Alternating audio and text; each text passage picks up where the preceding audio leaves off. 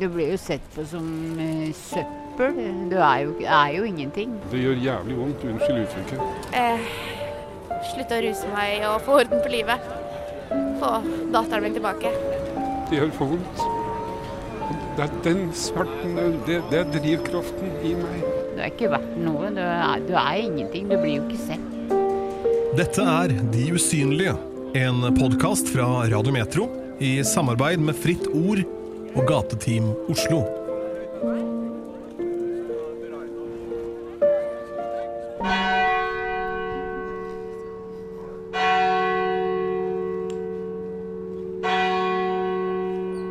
Den 16. oktober ble en av rusmiljøet i Oslos ildsjeler bisatt fra Helgerud kirke i Bærum.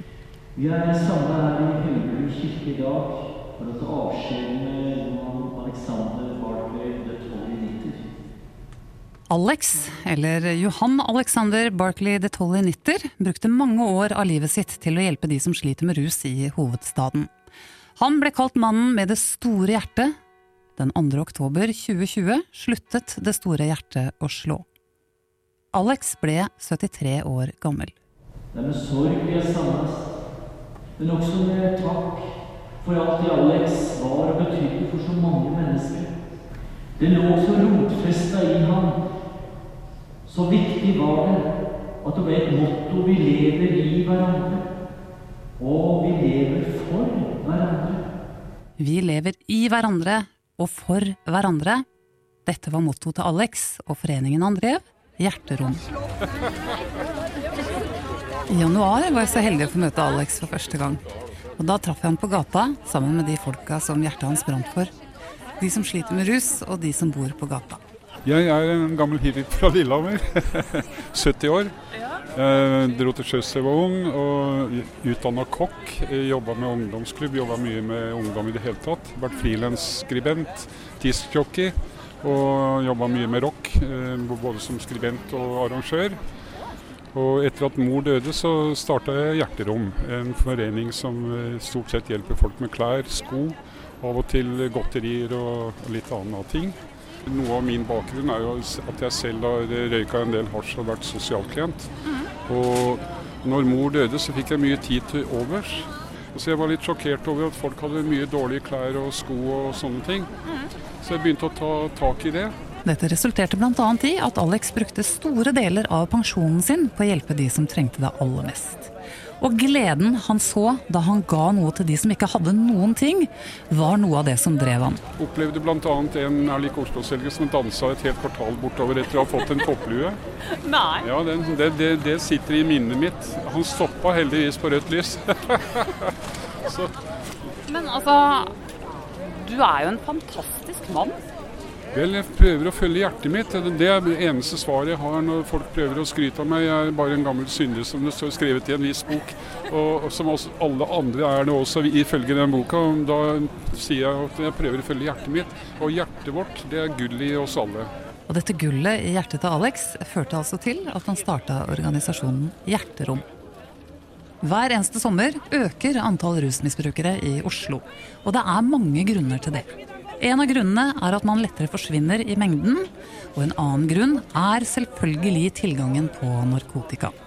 Når sommeren er over, så er det langt ifra alle som velger å reise hjem igjen dit de kom fra. De fleste som bor eller er i denne byen her, som bor på natthjem, hospits eller på gata, det er flyktninger fra andre byer og tettsteder i Norge. Det er norske flyktninger som lever i eksil i sitt eget land, på flukt fra sine hjemsteder, for der er de stigmatisert fordi alle kjenner alle. Hvem er disse menneskene? Det er, det er hva, hvem som helst, holdt jeg på å si. fordi eh, det er tilfeldigheter som fører deg ut i uføre. Det begynner jo da gjerne med trøbbel med sosialkontor eller mangel på jobb eller personlige problemer og andre ting, og så får du kanskje ikke den adekvate hjelpa du, du trenger, da, og så tyr du kanskje til, til, til drugs. Man blir synlig på kjøret, ikke sant. Og når det nyktre samfunnet da ikke vil hjelpe deg, heller, altså heller straffe deg, da, så flykter du jo vekk fra, fra det. Du, du rømmer unna. Ikke sant? Du blir ikke integrert. Man snakker om integrering her i landet, men vi klarer jo ikke å integrere våre egne engang. Dette temaet var veldig viktig for Alex. Han ringte meg flere ganger for å forsikre seg om at jeg fikk lagt det frem på riktig måte, og at jeg fikk sagt sterkt nok at flere av de som har søkt tilflukt i Oslo, har rømt hit fordi de er stigmatisert og ikke kan leve sånn som de ønsker i sin egen lille hjembygd eller på sin lille plass i Norge. Men sånn i hjertet ditt, hva er det som får deg til å fortsette? Du bruker penger av egen lomme. Hva, hva er den der drivkraften? Det er ikke bare at du er en gammel hippie med litt dårlig samvittighet. Det, det, jeg vil bruke ord, ett ord, det er jo smerten. Smerten. Det gjør jævlig vondt, unnskyld uttrykket. Og det gjør for vondt. Det er den smerten, det, det er drivkraften i meg. Denne smerten som drev Alex, førte til at han delte ut mellom 12 og 20 tonn med klær, mat og utstyr til de som trenger det aller mest hvert eneste år. Det er mange varme kropper og mette mager. Men er det greit hvis jeg kaller deg en hverdagsengel? Kall meg hva du vil. jeg tar, selvf- selvfølgelig er det hyggelig med, med, med kompliment, det er det. Alex hadde alltid tid til å prate. Uansett om du var rusmisbruker eller om du var politimann som kom forbi for å sjekke at alt var i orden, så tok han seg tid. Han ble stående og skravle med meg en dag han kom innom for å levere noe juice til vennene våre, og vi var veldig enige om hvordan de reagerte, de som fikk hjelp. De er veldig ydmyke. Er det et inntrykk du har også? De som kommer her ja, og får klær og sko og mat, ja er du gæren, det er jo julaften hver gang. så får de klemmer i tillegg. Og de som har hunder, får jo hundemat. og det er, det, Da jeg så et gatetime første gang, så løp jeg bort og spurte hvem er sjefen. Så var det å si da, herregud, dere oppfyller en, en visjon, en drøm om å gjøre, drømme, å gjøre dette her, men jeg har ikke kapasitet. Og så står dere her og gjør det, så, og, og så hva trenger dere, ikke sant. Og så begynte hun. Uh, ja, så ble det et samarbeid, da. I tillegg til å samle inn mat og drikke og klær og snop, så var musikk alltid veldig viktig for Alex. Jeg har tilbudt dem et orgel da, i mangel av penger. Jeg har en del orgler, samler inn gratis orgler via Finn. Jo, men det er fordi jeg mener kreativitet er viktig både i rusmiljøet og i rehab. og Det er sikkert mange steder. Jeg kommer til å levere en del orgler etter hvert. orgler? Ja, musikk. Hva gjorde rusmisbrukerne i England? Jo, det skal jeg fortelle deg veldig kort. Rolling Stones, The Beatles, Pink Floyd, Deep Purple, Black Sabbath, Ten Years After, Julie Driscoll, Brian Auger and the Trinity, The Who, uh, Family Jeg kan ramse opp i hvert fall 80-100 band som jeg møtte på 60-tallet, og var vitne til at de i det minste røyka hasj hele gjengen. Og noen brukte verdestoffer. Her oppe satt jeg i 72 med Blind Fate, Eric Clapton og røyka hasj. Så de, er jo verdensberømte alle sammen, men de var, de var faktisk til dels rusmisbrukere i sin ungdom, hele gjengen. Og de har stått fram og fortalt mye verre ting enn det jeg forteller deg nå. Eric Clapton har jo sagt han har vært heroinavhengig. Det, det var nytt for meg da jeg leste det. For meg var han bare en som rusa seg på kokain og hasj. Nei, amfetamin og hasj, unnskyld. Og, og jeg leste det. Så jeg har noen bilder fra øvinga i Njålhallen som jeg ikke har offentliggjort. Det er kanskje greit at de ikke er offentliggjort? Ja, Jeg har lyst til å vise dem til Eric Clapton. Det er mulig jeg får sjansen eh, allerede i løpet av det året som er nå. Men det rakk dessverre ikke Alex.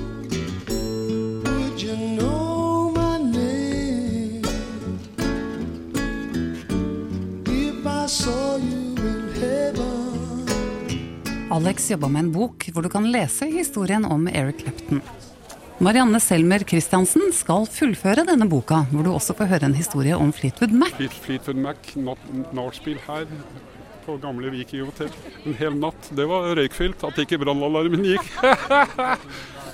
og jeg har hatt mange morsomme møter i Pink Floyd eh, hjemme hos Roger Waters. Men jeg husker ikke så mye av den samtalen, For vi røyka for mye, rett og slett. Altså. Så jeg skal ta selvkritikk på det i boka mi.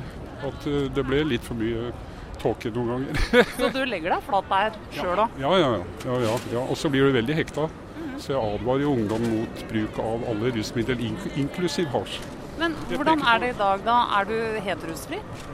Jeg, som jeg sa til narkotikapolitiet her for ikke så lenge siden, at henne, de lurte på hvordan det gikk med hasjrøykinga. Så sa jeg henne jeg drar på hippieparty av og til, men da har jeg sjåfør hjem. Og det unna de meg. Og det gjentok de faktisk, for jeg spurte mener dere det, så jeg ja, det gjorde jeg. Så da sa jeg at ja, da drar jeg på hippiefest neste gang med veldig god samvittighet. Da. Ja, det kunne jeg gjøre. Så, så, så der har du meg i et nøtteskall.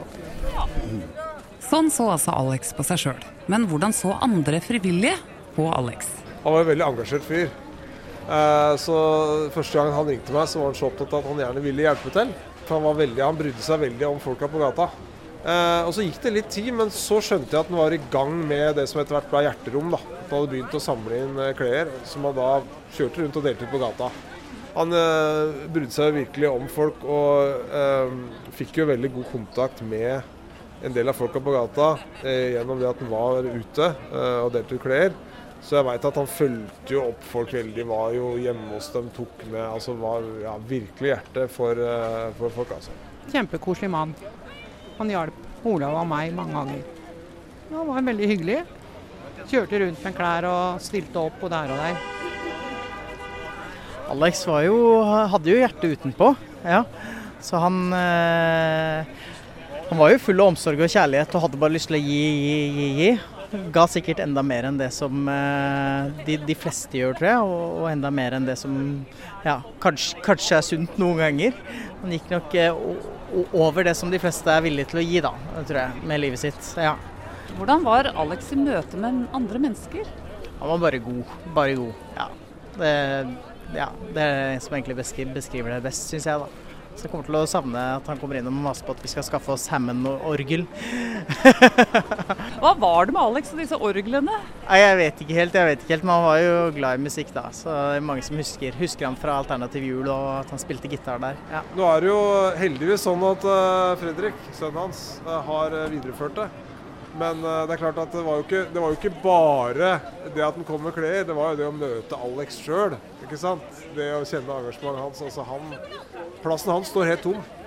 Veldig bra at noen driver videre, men Alex er borte, og det er jo så klart et stort savn. Altså, Alex var Alex.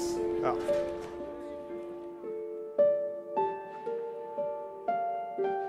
Ja, her står du da, med bilen til hjerterom. Hvordan er det å være ute på utlevering? Det, det føles godt, absolutt. Videreføre pappas, altså Alex, arbeid. Det Jeg vet ikke, det, det falt veldig naturlig for meg å skulle, skulle videreføre det. Da, så Det er et stort steg du har tatt nå, og det er noen svære sko å fylle. det er ikke lett å fylle pappas sko, og jeg tror ikke jeg engang skal prøve å være pappa, eller være som pappa. Det, det tror jeg ikke går, så Men det viktigste for meg er at hjerterom kan bestå. Og så får jeg gjøre det på min måte. Hvordan var det å ha Alex som pappa, da? Det var eh, morsomt. Gøy. Han eh, kan vel si at han ikke er som alle andre fedre, tør jeg påstå. Selv om kanskje mange vil si det.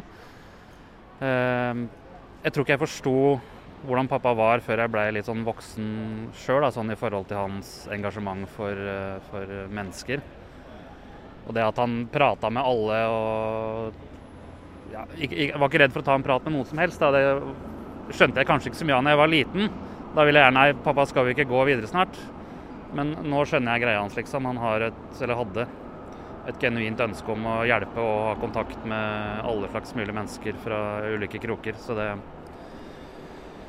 Nei, det er kjempetakknemlig for at Alex var min pappa, altså. Rett og slett. Helt til slutt var det én ting Alex synes var veldig viktig at jeg fikk med, og det er hvordan du oppfører deg når du treffer de usynlige på gata. I hvert fall ikke vise at du syns synd på dem hvis du gjør det, og det håper jeg du gjør. Men innerst inne, men du skal heller bare prøve å være kompis og, og bli og, og være ja, hei. Trenger du noe spenn, eller vil du ha litt mat? Det lureste du gjør, er jo å gi folk mat. Fordi at de bruker jo alle pengene sine på alt mulig annet. Men det er viktig å si hei. Ja, gjerne det. Hei. Og hvis de sovner hvis, Jeg går jo bort hvis de sitter og sov- sovner sammen sånn ser ut som de er døde. Da går jeg bort og klapper dem forsiktig på skulderen. Hei, husk å puste, sier jeg. Husk å puste. Ja, husk å puste. Tusen takk for alt, Alex.